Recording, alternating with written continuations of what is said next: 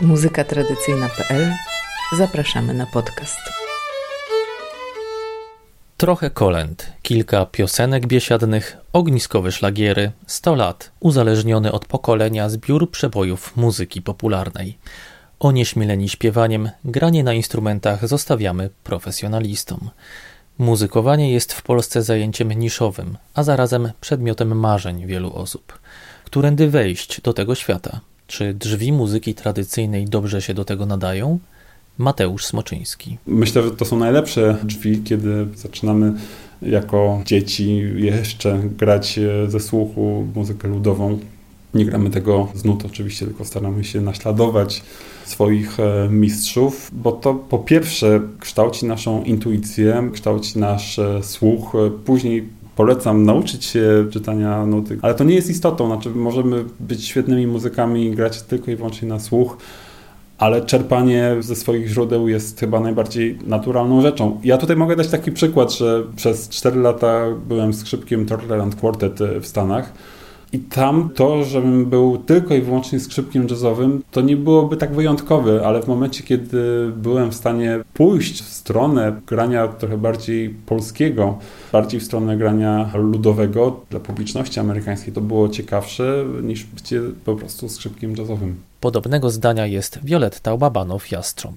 Jest coś takiego w naszej muzyce i myślę, że tak mogą powiedzieć wszystkie narody o swojej muzyce, że ona jest nam po prostu zwyczajnie bliska. Ona jest zapoznana we wczesnym dzieciństwie, w rodzinie, w środowisku. Przez to jest łatwa, przez to jest przyjemna, a to są zawsze najlepsze drzwi do wchodzenia do muzyki w ogóle do rozwoju słuchu muzycznego. Można powiedzieć, że człowiek po prostu rozwija się jakimiś swoimi etapami i rozwój słuchu muzycznego jest szalenie ważny do tego, żeby móc muzykę rozumieć, zajmować się nią przez całe życie. Słuch muzyczny najszybciej rozwija się do dziewiątego roku życia i pierwsze lata życia są niezwykle ważne, dlatego muzyka tradycyjna, ludowa, popularna, poznawana środowiskowo, wpływa na rozwój naszych kompetencji muzycznych na całe życie, ale też i pewnej wrażliwości. Stawką nie są tu bowiem tylko umiejętności muzyczne. Gra na instrumencie, śpiew, taniec mają dobroczynny wpływ na kondycję psychofizyczną wykonawców. Rozwijają też kompetencje społeczne. Doskonałym tego potwierdzeniem są zajęcia prowadzone w ramach Laboratorium Zabaw Tradycyjnych, których nieodłącznym elementem jest muzyka wiejska, zauważa Katarzyna Rosik. Zapraszam do analiz, które towarzyszą poszczególnym zabawom, które zostały opisane w dziedzinach rytmiki, muzykoterapii, psychologii, pedagogiki i przez naszą też logopedkę.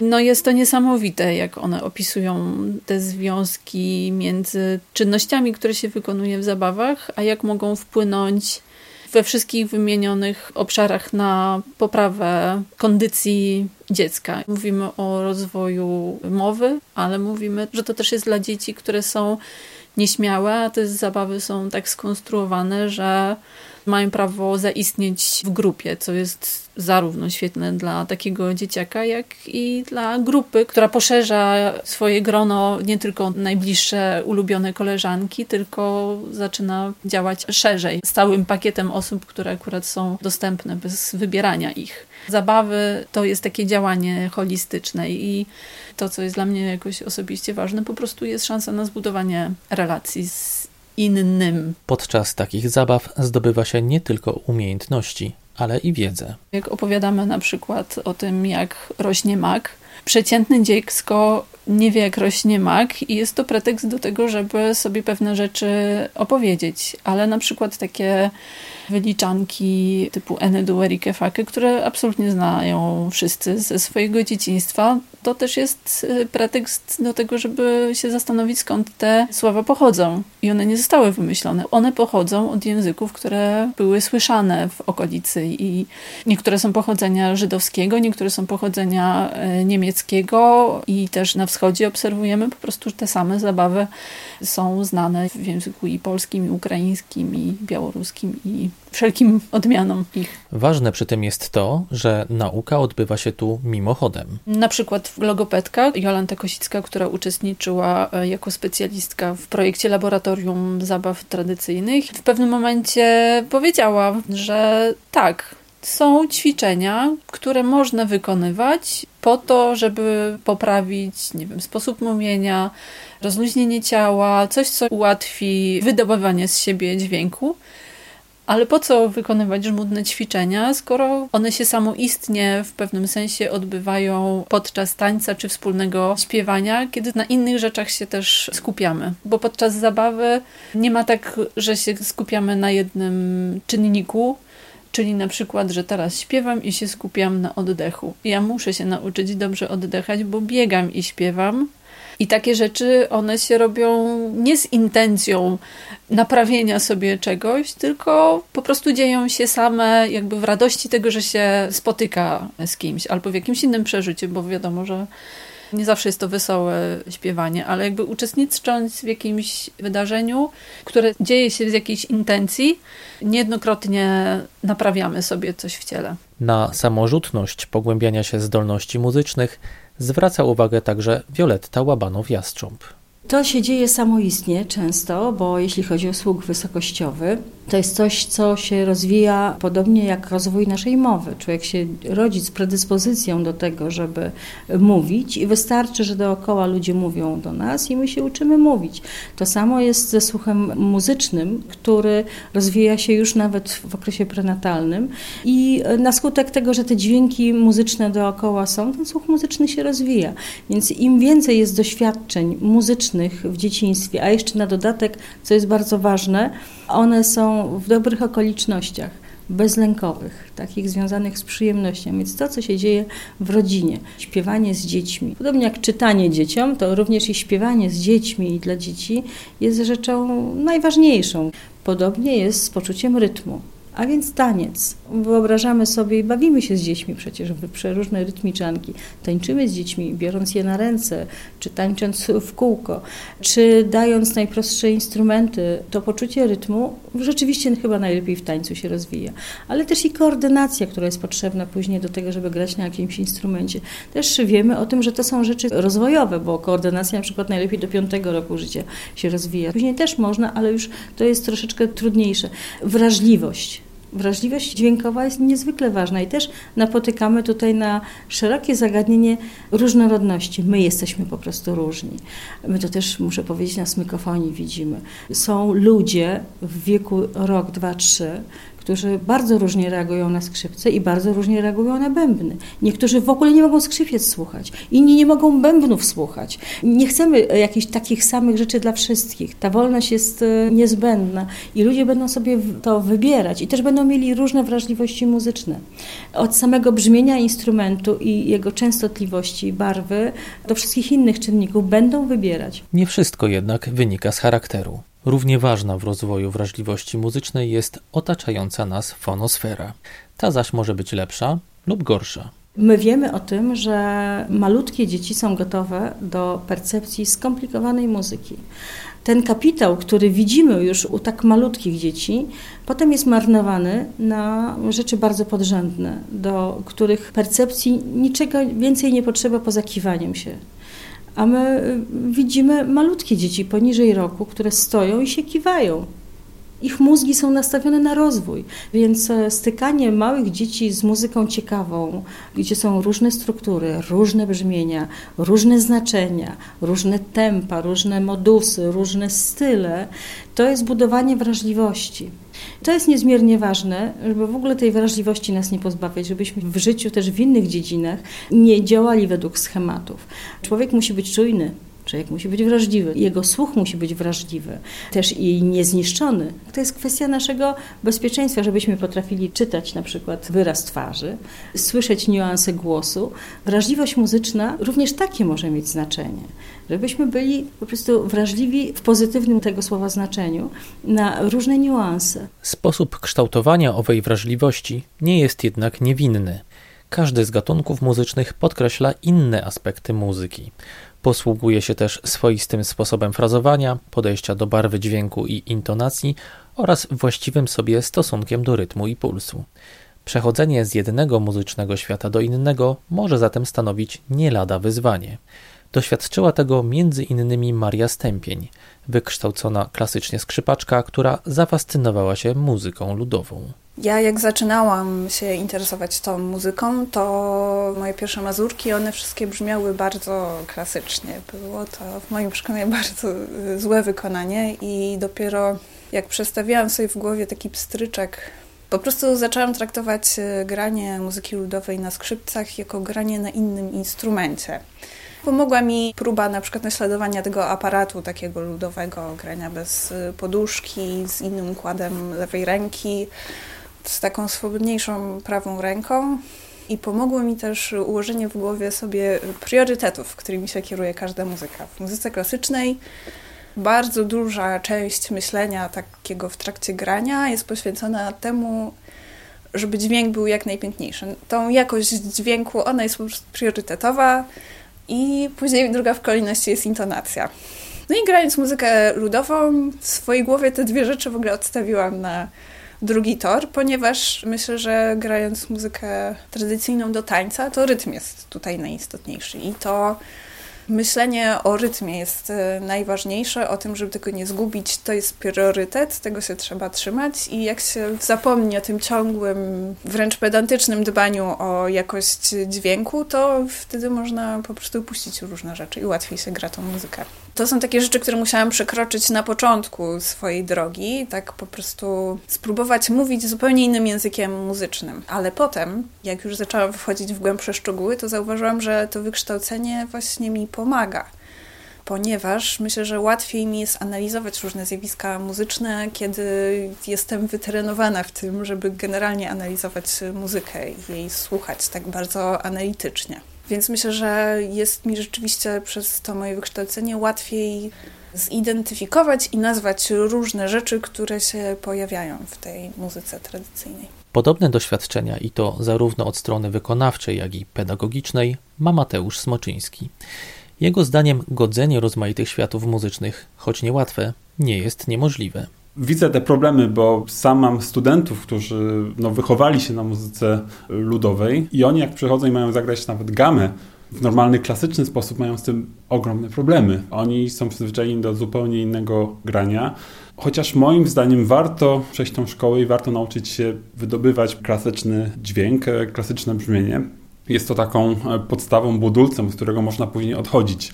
Jeśli chodzi o przystosowanie klasycznych muzyków do grania muzyki albo jazzowej, albo muzyki ludowej, ja ich czasami proszę, dobra, zagraj teraz improwizację, ale bez vibrata. Oni myślą, że grają bez wibracji. Później ich nagrywam i puszczam i mówię, no ale zobacz, przecież grasz jakbyś grał, nie wiem, Czajkowskiego albo nie wiem co. Oni nie byli tego świadomi, znaczy oni już mają tak wbite to, że należy z niezwykłą starannością podchodzić do tego brzmienia, że oni robią to w sposób e, naturalny i potrzebują trochę tego czasu na przystosowanie się. Później jest to łatwiejsze, więc e, myślę, że im człowiek ćwiczy z większą świadomością, tym łatwiej później mu przechodzić z jednego stylu na drugi. Ja sam w swoim życiu miałem to szczęście, że wychowałem się w muzycznej rodzinie. Od razu byłem skrzypkiem w kapeli ludowej, w zespole ludowym, który prowadzili moi rodzice pod e, Warszawą, ale chodziłem do szkoły klasycznej, a w międzyczasie niezwykle zainteresowałem się muzyką improwizowaną, muzyką jazzową. Więc jakoś starałem się te trzy światy przynajmniej ze sobą e, łączyć na samym początku. Jeśli ktoś od początku nie miał takiego wykształcenia jak ja, czyli na przykład grał ze słuchu dużo rzeczy, naśladował swoich e, lokalnych mistrzów, to jest go trudniej przystosować do takiego klasycznego wydobywania dźwięku. Czasami nie ma to sensu, bo no, są ludzie, którzy genialnie robią swoje i nie ma co ich na siłę przeciągać na drugą stronę, bo może to się kiedyś przydać, a może się nie przydać. Ale są przypadki takie, i tutaj dam przykład genialnego skrzypka Kaspra Malisza, który jak się po raz pierwszy spotkaliśmy na studiach, miał problem z takim potężnym, ładnym wydobyciem dźwięku, a z kolei świetnie improwizował. I no, ja mogę się od Kacpra wielu rzeczy uczyć, e, jeśli chodzi o grę muzyki takiej oberkowej, mazurkowej. On to robi naprawdę genialnie. Teraz widziałem, grał jakiś koncert na uniwersytecie ze współczesnymi kompozycjami klasycznymi. Z kolei wygrał konkurs Zbigniewa Zajferta, świetnie porusza się po muzyce jazzowej, improwizowanej, więc myślę, że warto mieć głowę szeroko otwartą. Ja w swoich kompozycjach bardzo często staram się łączyć przeróżne światy. Wczoraj miałem premierę mojego koncertu na skrzypce i marimbę I tam raz musiałem grać w sposób e, zupełnie jazzowy, za chwilę musiałem grać trochę tak jak w muzyce Karola Szymanowskiego. Później z kolei grałem w sposób bluegrassowy. To gdzieś się przenika i warto to opanować. Znaczy, warto podchodzić do sposobu wydobywania dźwięku, jak e, do technik wykonawczych. I współczesny skrzypek, współczesny instrumentalista musi być tego świadomy, bo idzie się czasami na sesję nagraniową i ktoś poprosi, dobrze, to zagraj teraz te cztery nuty pięknie, tak żebyśmy mieli, nie wiem, jakąś podstawę do jakiejś muzyki filmowej, albo później się idzie i ktoś mówi, a weź tutaj zaimprowizuj w stylu góralskim. Ja wiem, że nie można być w każdym stylu wybitnym, każdy ma swoje specjalności, ale coraz więcej osób z niezwykłą łatwością porusza się po różnych stylach i po różnych gatunkach. I teraz chciałbym jeszcze wspomnieć o Dawidzie Czerniku, który jest naprawdę fenomenalnym skrzypkiem. Mało kto o nim e, słyszał. On mieszka w Zakopanem, często grywa tam w kapelach ludowych. Jak on przyjechał do mnie na lekcję, to nie słyszałem tak świetnie improwizującego skrzypka naprawdę dawno. On świetnie się poruszał w świecie muzyki jazzowej, a jeszcze lepiej gra muzykę cygańską, węgierską, a już nie mówiąc właśnie o tej muzyce góralskiej, gdzie jest no, po prostu mistrzem. Violetta Łabanow-Jastrząb podkreśla z kolei jedność świata muzyki, kryjącą się za jej rozmaitymi ucieleśnieniami. Słuch muzyczny to po prostu jest słuch wysokościowy. Języki muzyczne nadają znaczenie dźwiękom w bardzo różny sposób i przez całe życie człowiek się z nimi styka. Nie sądzę, żeby to mogła być jakaś bariera. Mogę powiedzieć, że we wczesnym dzieciństwie, a obserwujemy od 13 już lat w smykofonii, w koncertach dla dzieci od 0 do 5 lat, jak one reagują, nie mając żadnego przygotowania, na różne rodzaje muzyczne i jak też podczas tych naszych koncertów, które mają też formę warsztatową, jak one to konsumują, czyli jak się zachowują w momencie, kiedy my już tą materią się posługujemy. I naprawdę w takim zakresie, w jakim dziecko jest w stanie cieszyć się muzyką, nie ma żadnej różnicy między muzyką klasyczną jazzową i tradycyjną. Absolutnie żadnej. Więc nie sądzę, żeby to później też y, miało jakieś znaczenie, że ktoś będzie wychowany w jednym rodzaju muzyki swojej tradycyjnej, nie będzie mógł się zająć inną. Chyba tak nie jest. Jeżeli ma rozruszany słuch muzyczny, jeżeli ma koordynację ruchów rozwijaną na skutek zabaw rytmicznych, tańczenia z rodzicami. I tutaj muzyka tradycyjna ma wielkie swoje zalety i plusy, ponieważ ona tę relacyjność i łatwość, to ośmielenie do tego, żeby mieć tę ekspresję swoją muzyczną, ona jest tutaj predestynowana absolutnie, tak. Natomiast my uzyskujemy to samo, zajmując się muzyką jazzową i klasyczną. Po prostu na wszelkie sposoby starajmy się, żeby dzieci rozwijały się, żeby im się rozwijał słuch wysokościowy, poczucie rytmu, koordynacja, śmiałość, radość. Nie stawiałabym żadnych ograniczeń, literalnie żadnych, zwłaszcza, że dzisiejszy świat też jest inny niż kiedyś. My narzekamy oczywiście na to, że ten postmodernizm wszechogarniający, że wszystko nam się miesza. No tak, ale w muzyce też się wszystko miesza. Ja na przykład zawodowo przez, można powiedzieć, całe życie zajmuję się muzyką dawną, gdzie są pewne konwencje związane ze stylem. No dobrze, ale to jest tylko jeden pokój, taki, do którego wchodzę co jakiś czas. Natomiast wszędzie dookoła miesza się akompaniament góralski z bałkańskim, czego ja na przykład panicznie nie znoszę. No tak to jest. Są muzycy, którzy zajmują się muzyką klasyczną i jazzową jednocześnie i włączają muzykę tradycyjną. Są muzycy, którzy zajmują muzyką tradycyjną i robią wycieczki zupełnie w inne rejony. Więc też w edukacji nie stawiałabym żadnych barier, raczej otwierałabym, bo taka jest nasza rzeczywistość, różnorodna i otwarta. Pewne narzędzia są potrzebne do tego, żeby odkrywać piękno różnego rodzaju muzyki. I oczywiście, że śpiewanie melodii z symfonii Mozarta, czy słuchanie tej symfonii nie umożliwi nam wspólnego tańca, tak radosnego i otwartego i bez żadnego stresu, jak muzyka tradycyjna nam ciągle stwarza przecież takie okazje. Więc jeśli mówimy o edukacji, czyli o pewnym przemyślanym działaniu, to wydaje mi się, że pedagodzy muzyki, dobrze wykształceni, powinni przede wszystkim budować te podstawowe narzędzia do tego, żeby zajmować się każdym rodzajem muzyki. Muzyka tradycyjna nie przegra wtedy. Proszę się tego nie obawiać, wygra na pewno. Te narzędzia już istnieją. Polegają na wykorzystywaniu metod zaczerpniętych z rozmaitych światów muzycznych zauważa Maria Stępień. Świetnym przykładem edukacji takich młodszych dzieci może być metoda Małgorzaty Filary z Fundacji Braci Golec, z którą ostatnio się zapoznałam. Wydaje mi się, że ta jej metoda jest doskonałym takim wykorzystaniem dorobku edukacji klasycznej i też metody Suzuki i przełożenie tego na materiał tradycyjny. Najpierw uczą dzieci, jak klasycznie trzymać skrzypce i smyczek, i to, żeby później dostosować ten dźwięk do brzmienia ludowego, jest jakąś taką pracą na później.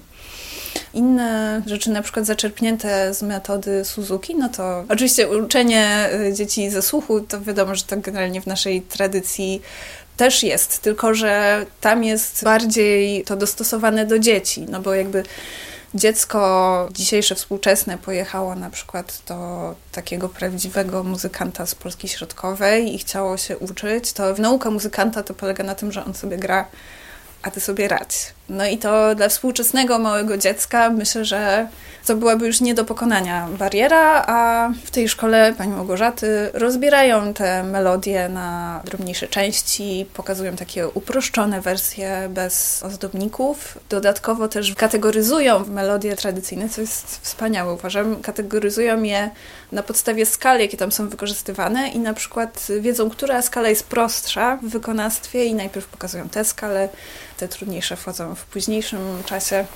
Bardzo to jest piękna metoda, byłam pod wielkim wrażeniem. Osobiste doświadczenia Marii Stępień również pchają ją w stronę innych niż tradycyjne sposobów nauczania muzyki ludowej. Myślę, że po prostu są nowe czasy i trzeba korzystać z nowych dorobków. Ja często prowadzę warsztaty instrumentalne, akurat nie dla dzieci, ale dla osób dorosłych, które nie są profesjonalnymi muzykami Kiedyś myślałam, że może taki styl prowadzenia warsztatów na muzykanta to jest dobry pomysł, to znaczy po prostu granie i oni niech sobie radzą, ale no jest to zupełnie nieskuteczne i myślę, że mogłoby to skutecznie zniechęcać e, ludzi do grania tej muzyki. Ucząc melodii, na początek ją upraszczam, rozbieram z ozdobników, dzielę na części, pokazuję powoli. Później, jak już uczestnicy warsztatów nauczą się konkretnej melodii, nauczyłam się opisywać takim współczesnym językiem te rzeczy, które występują wokół melodii. Te właściwie najtrudniejsze rzeczy, a dla mnie taką esencję muzyki ludowej profesor Bielawski to nazwał osobliwościami, czyli to tempo rubato, ta wariacyjność, ozdobniki. Nauczyłam się temu nadawać y, takie konkretne nazwy, które ułatwiają odbiór i zrozumienie tego. Sięga także po metody rozwiązywania problemów technicznych, które zna z klasycznego kształcenia. Być może jest to kontrowersyjne, ale jeśli właśnie widzę, że ktoś ma jakiś problem z czymś, czy to techniczny, czy z zagraniem jakiejś melodii, to ja zawsze proponuję ćwiczenia, które znam z praktyki klasycznej od moich ulubionych nauczycieli. Ćwiczenia, które wiem, no, że działają po prostu, że usprawnią technikę. Tradycja kształcenia klasycznego ma bardzo, bardzo bogatą przeszłość. Bogate to są zasoby i myślę, że nie ma powodów, żeby do nich nie sięgać. Oczywiście trzeba sięgać ze świadomością i tłumaczyć na każdym kroku, co ja robię. Jaka jest różnica między muzyką klasyczną a tym wykonawstwem tradycyjnym, ale myślę, że spokojnie można sięgać po różne rozwiązania. Zagrożenie polega tu na zatarciu się różnic między stylami, ich uniformizacji, czego dobitnym przykładem jest wiele nagrań z nurtu muzyki świata. Trzeba być na to wyczulonym, tym bardziej, że współczesny świat sprzyja temu procesowi, sądzi Mateusz Smoczyński. Ja tutaj od razu powiem, że nie jestem ortodoksem. Ja jestem bardzo otwarty na mieszanie różnych gatunków, ale doceniam też ortodoksów, znaczy ludzi, którzy zagłębiają się w daną stylistykę, w dany sposób gry, niezwykle cenię, bo dzięki nim e, zachowamy tą wyjątkowość, e, rzeczywiście, żeby wszystko nie było takie same. To jest generalnie problem e, dzisiejszych czasów, że każdy stara się być inny, przez co wszystko staje się w pewien sposób takie samo. To samo się dzieje z muzyką, która czerpie z muzyki ludowej. Dlatego niezwykle dziękuję wszystkim ortodoksom i wszystkim ludziom, którzy wykonują ciężką pracę, żeby te prawdziwe rzeczy gdzieś odkopać, które się zatracają z biegiem czasu. Warto mieć tego świadomość. Warto to rejestrować. Warto rejestrować też tych e, starszych muzyków, którzy jeszcze żyją i grają. Z tego należy czerpać ale to nie jest dla mnie. Ja, tak jak powiedziałem, jestem zbyt otwartą osobą i bardzo często i dużo czerpię z różnych stron i przychodzi mi to w sposób e, niezwykle naturalny. Nie chcę z tym walczyć. Żeby jednak móc skorzystać z tego zasobu, trzeba wiedzieć o jego istnieniu. Tymczasem wcale nie jest to powszechna wiedza podkreśla Katarzyna Rosik. Myślę, że to, z czym najbardziej się jednak borykamy w Polsce, no to to, że to jest po prostu temat obcy, że nasza własna kultura, jej zasoby po prostu zostały zapomniane. I w ramach Małego Kolberga zostało zgromadzonych bardzo dużo materiałów wspierających naukę zabaw. Natomiast chodzi o to, że trzeba wiedzieć, że coś takiego jest. I nauczyciele bardzo często nie dostają tej wiedzy w szkołach pedagogicznych czy na kursach pedagogicznych, a potem w podstawie programowej mają folklor, że muszą się tym zająć i często są po prostu bezradni, jak się tym tematem zająć to, co robimy w ramach i Laboratorium Muzyki Tradycyjnej, i Forum Muzyki Tradycyjnej, też prowadzi różne działania. Mały Kolberg, Małe Mazurki przy festiwalu Wszystkie Mazurki Świata i pewnie mnóstwo innych drobnych, lokalnych inicjatyw to w ogóle pokazać, że są narzędzia. Też wydawane płyty są bardzo pomocne dla nauczycieli, którzy muszą to zrobić i nie wiedzą czasami gdzieś szukać nawet. Poziom znajomości lokalnej tradycji muzycznej jest w Polsce bardzo zróżnicowany, zauważa Maria Stępień. Przez kilka lat współpracowałam z Małym Kolbergiem. Często grałam w przedszkolach i w szkołach podstawowych dla dzieci. Mogą zaobserwować szokującą różnicę między dziećmi z Polski Środkowej gdzie naprawdę takie zagranie na skrzypcach, basach i bębenku było bardzo egzotyczne. Natomiast y, przez y, kilka lat mieszkałam w Krakowie i też jeździłam do małopolskich przedszkól, no to tam była taka sytuacja, że jak dzieci miały zapowiedziane, że będą zabawy ludowe, to wszystkie przychodziły w strojach ludowych. I dokładnie wiedziały, czego się spodziewać, i były zupełnie zapoznane z tą sferą dźwiękową. Więc myślę, że tutaj akurat Polska Środkowa może się uczyć po prostu od wzorów południowych. Można też próbować rozwiązań systemowych. Jednym z takich pomysłów są ogniska muzyki tradycyjnej, opowiada Katarzyna Rosik. No są to trudne rzeczy, często w niektórych regionach, ale też widzę, że jest to sposób nie tylko na przyciągnięcie dzieci, ale właśnie całych rodzin. I w momencie, kiedy muzyka tradycyjna staje się sprawą rodzinną, że rodzicom zależy, że dzieciom zależy, to się zaczyna robić wspólne i znowu ta muzyka ma też właśnie szansę zaistnieć w taki sposób, jaki zawsze istniała, czyli była użytkowa. Była piękna, była ważna, przeprowadzała ludzi przez różne trudne momenty i, i ważne momenty w życiu, ale też organizowała po prostu społeczność i była regularnie wspólną sprawą. W istocie edukacja muzyczna stawia przed nami fundamentalne pytania – uważa Violetta Łabanow-Jastrząb. Guildhall School Music and Drama są takie studia podyplomowe, nazywają się Performing Art Teaching, które przywołują podstawowe pytanie, po co my się tym zajmujemy? Po co ja się tą muzyką, dlaczego ja chcę ją upowszechniać? Dlaczego ja chcę, żeby inni też się tym zajmowali? Czy to jest tylko sposób na zarabianie pieniędzy, czy to jest coś więcej? To nie jest tak, że ja jestem sobie rzemieślnikiem, nie jest ważne, kto mi płaci. To jest na przykład takie pytanie, które mnie osobiście dosyć jakoś tak frapuje. Czy muzyk, któremu jest wszystko jedno, kto mu płaci, czy mnie się to podoba, czy nie. Mnie się osobiście to nie podoba. Domyślam się, że są takie osoby, które twierdzą, że muzyk to jest muzyk i nic go nie obchodzi. No więc mnie się wydaje, że te czasy troszeczkę mijają, kiedy muzyka nic nie obchodzi, bo uczestniczymy w jakimś globalnym procesie i mamy powtarzające się pytania o przyszłość muzyki i o to, co się stanie w erze czatu GPT i zresztą myślę, że właśnie muzyka tradycyjna ma świetne odpowiedzi na to. My się też cieszymy, realizując projekt Stajnia, że ludzie się spotykają, że się cieszą razem muzyką.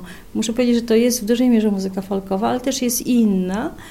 I to jest odpowiedź na te wszystkie zagrożenia, ale chciałabym, tak sobie wyobrażam, że w tego rodzaju myślenie wspólnotowe poprzez muzykę powinni się zaangażować muzycy profesjonalni, którzy dzisiaj jeszcze mam wrażenie, że wolą być na wyspie odludnej jak najdalej od lądu. Pora, żeby jednak trochę przewietrzyli swoje nastawienie, które mają pewnie od czasów szkoły muzycznej. Ten wspólnotowy aspekt jest bardzo silnie obecny w świecie muzyki tradycyjnej, wskazuje Katarzyna Rosik. Bardzo ważną rzeczą jest to, że tam jest miejsce dla każdego Brzmi to jak slogan, oczywiście, ale można w tych sytuacjach muzycznych przebywać na różne sposoby. Nie będąc wyborowym śpiewakiem, można śpiewać z drużyną i jest to rzadkie doświadczenie, które mamy. O tym się mało mówi, bo nagle śpiewanie okazało się po prostu czynnością dla profesjonalistów, którzy występują przynajmniej w tych konkursach różnych śpiewaczych typu X Factor i tak dalej. A dla mnie to jest naturalna forma ekspresji człowieka, obowiązkowa do wykonywania.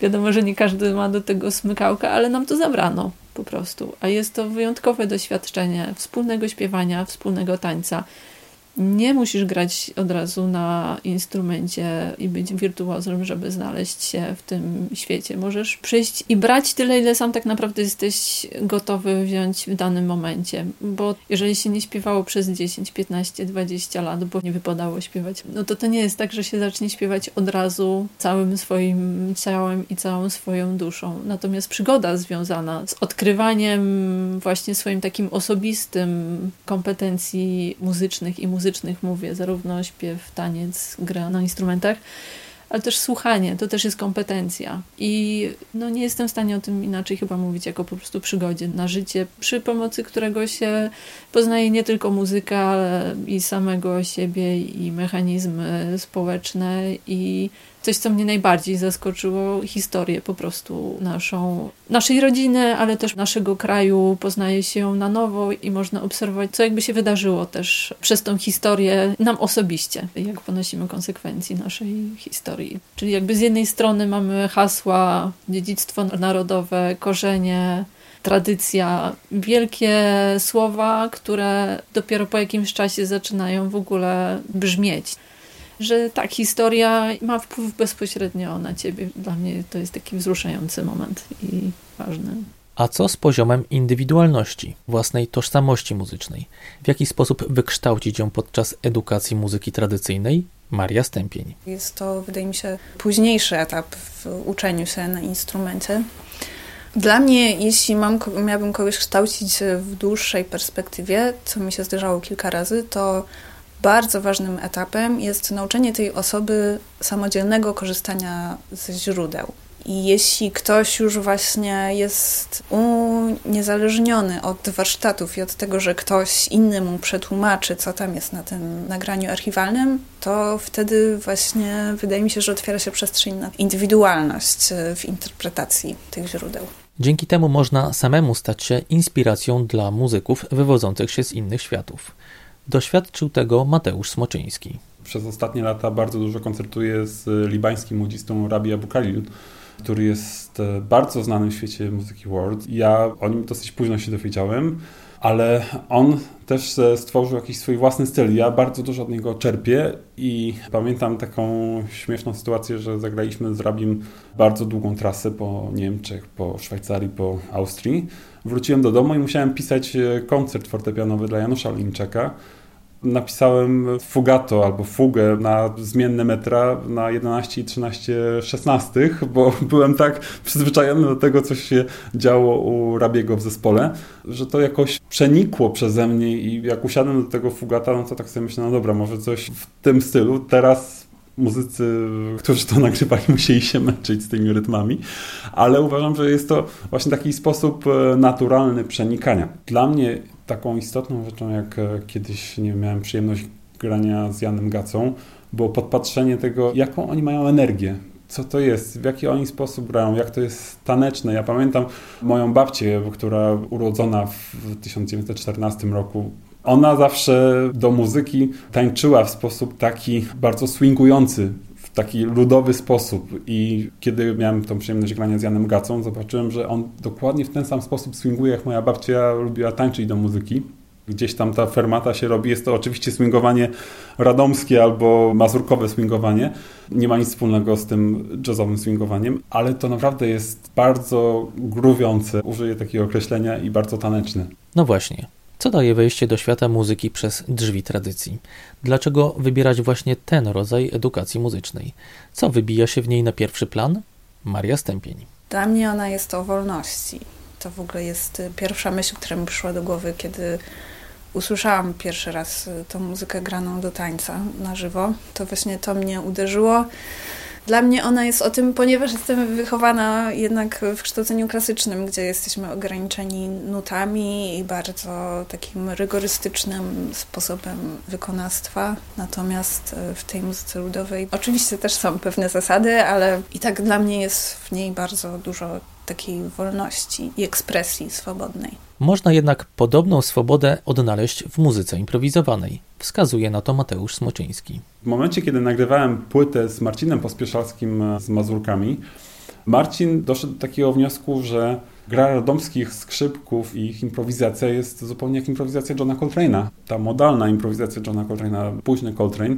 Jego pomysłem było po prostu zestawienie tych e, tematów mazurkowych, oberkowych i wrzucenie do świata muzyki Johna Coltrane'a. I rzeczywiście, jeśli rzeczy coltrane'owskie gram na skrzypcach, to brzmi to bardzo zbieżnie z tym, jak się gra właśnie oberki i mazurki gdzieś, nie wiem, pod Radomiem. Zupełnie unikatowy jest jednak poziom współtworzenia wydarzeń związanych z muzyką tradycyjną przez wszystkich uczestników.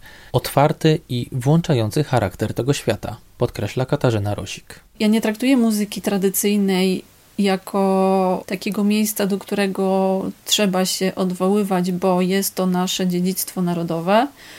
Tylko dlatego, że im dłużej obserwuję tą muzykę, to widzę, że to, co ta muzyka niesie, to jest bardzo skuteczne i potrzebne ludziom. I to, co czasami jest przerabiane na różnych kursach poprawiania relacji ze światem na różne sposoby załatwiane są po prostu często na zabawie, bo tam mamy okazję obcować w dowolny sposób w danej sytuacji. Można przyjść na zabawę, wyłącznie tańczyć i nie zamienić z nikim ani jednego słowa, a można zamieniać wyłącznie słowa i nie pojawić się ani przez chwilę na parkiecie, bo raz, że można słuchać, a druga rzecz, że po prostu to obcowanie z ludźmi, którzy często spotykają się po to, żeby się spotkać. Ta muzyka tworzy taką przestrzeń, że jest to możliwe bez przybierania żadnych pus.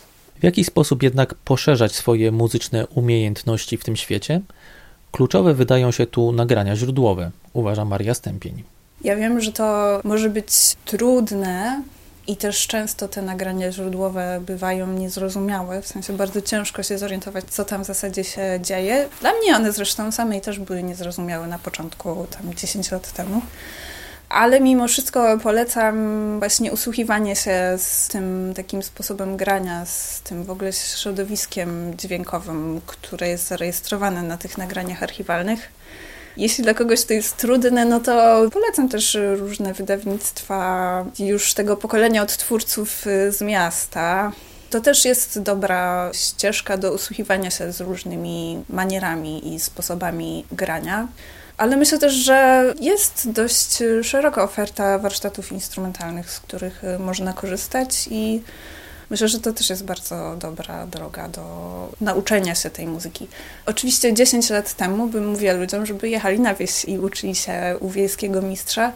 No z tym, że dzisiaj już jest taka sytuacja, że tych mistrzów zostało kilka. To znaczy, jeśli mówimy o muzyce polskiej środkowej, no bo na południu jest zupełnie inna sytuacja.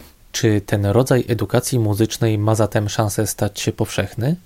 Czy nie jest tak, że o ile intuicja, wykształcony słuch i smak muzyczny doskonale sprawdzają się w działaniu niszowym, o tyle w szeroko pojętej edukacji nie są jednak wystarczające, że dla pedagogiki muzycznej równie ważne są język, rozumienie ugruntowane w doświadczeniu metody postępowania?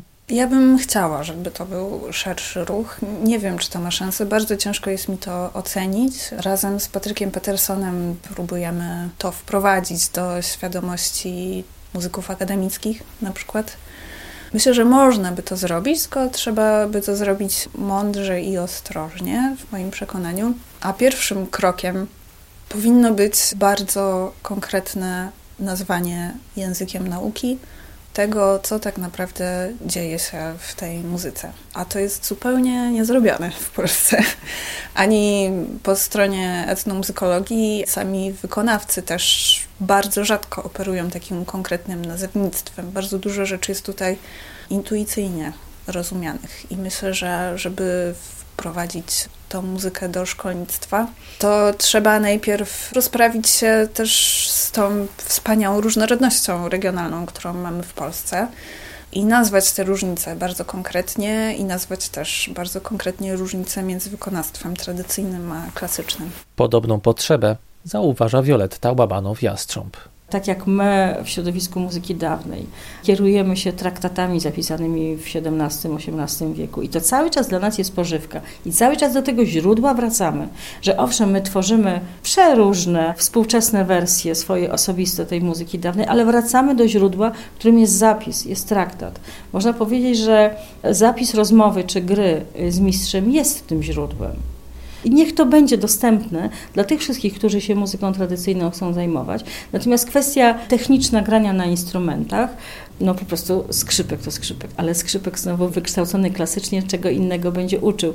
Więc jeżeli są skrzypkowie, którzy się od mistrzów uczyli, to niech promują tę wiedzę, niech jej używają. Być może powinni jak najwięcej zdefiniować pewnych rzeczy, opisać w jakichś podręcznikach, coś ponagrywać. Metody szkoły, tak było w wiekach ubiegłych, że kompozytorzy pisali swoje tablice, swoje szkoły gry, żeby ich muzykę wykonywać jak najlepiej. Być może to właśnie powinni zrobić ci, którzy się już od tych odchodzących mistrzów nauczyli, niech tworzą te źródła wiedzy. Wydaje mi się, że to chyba nie można inaczej.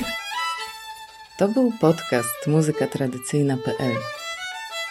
Do usłyszenia.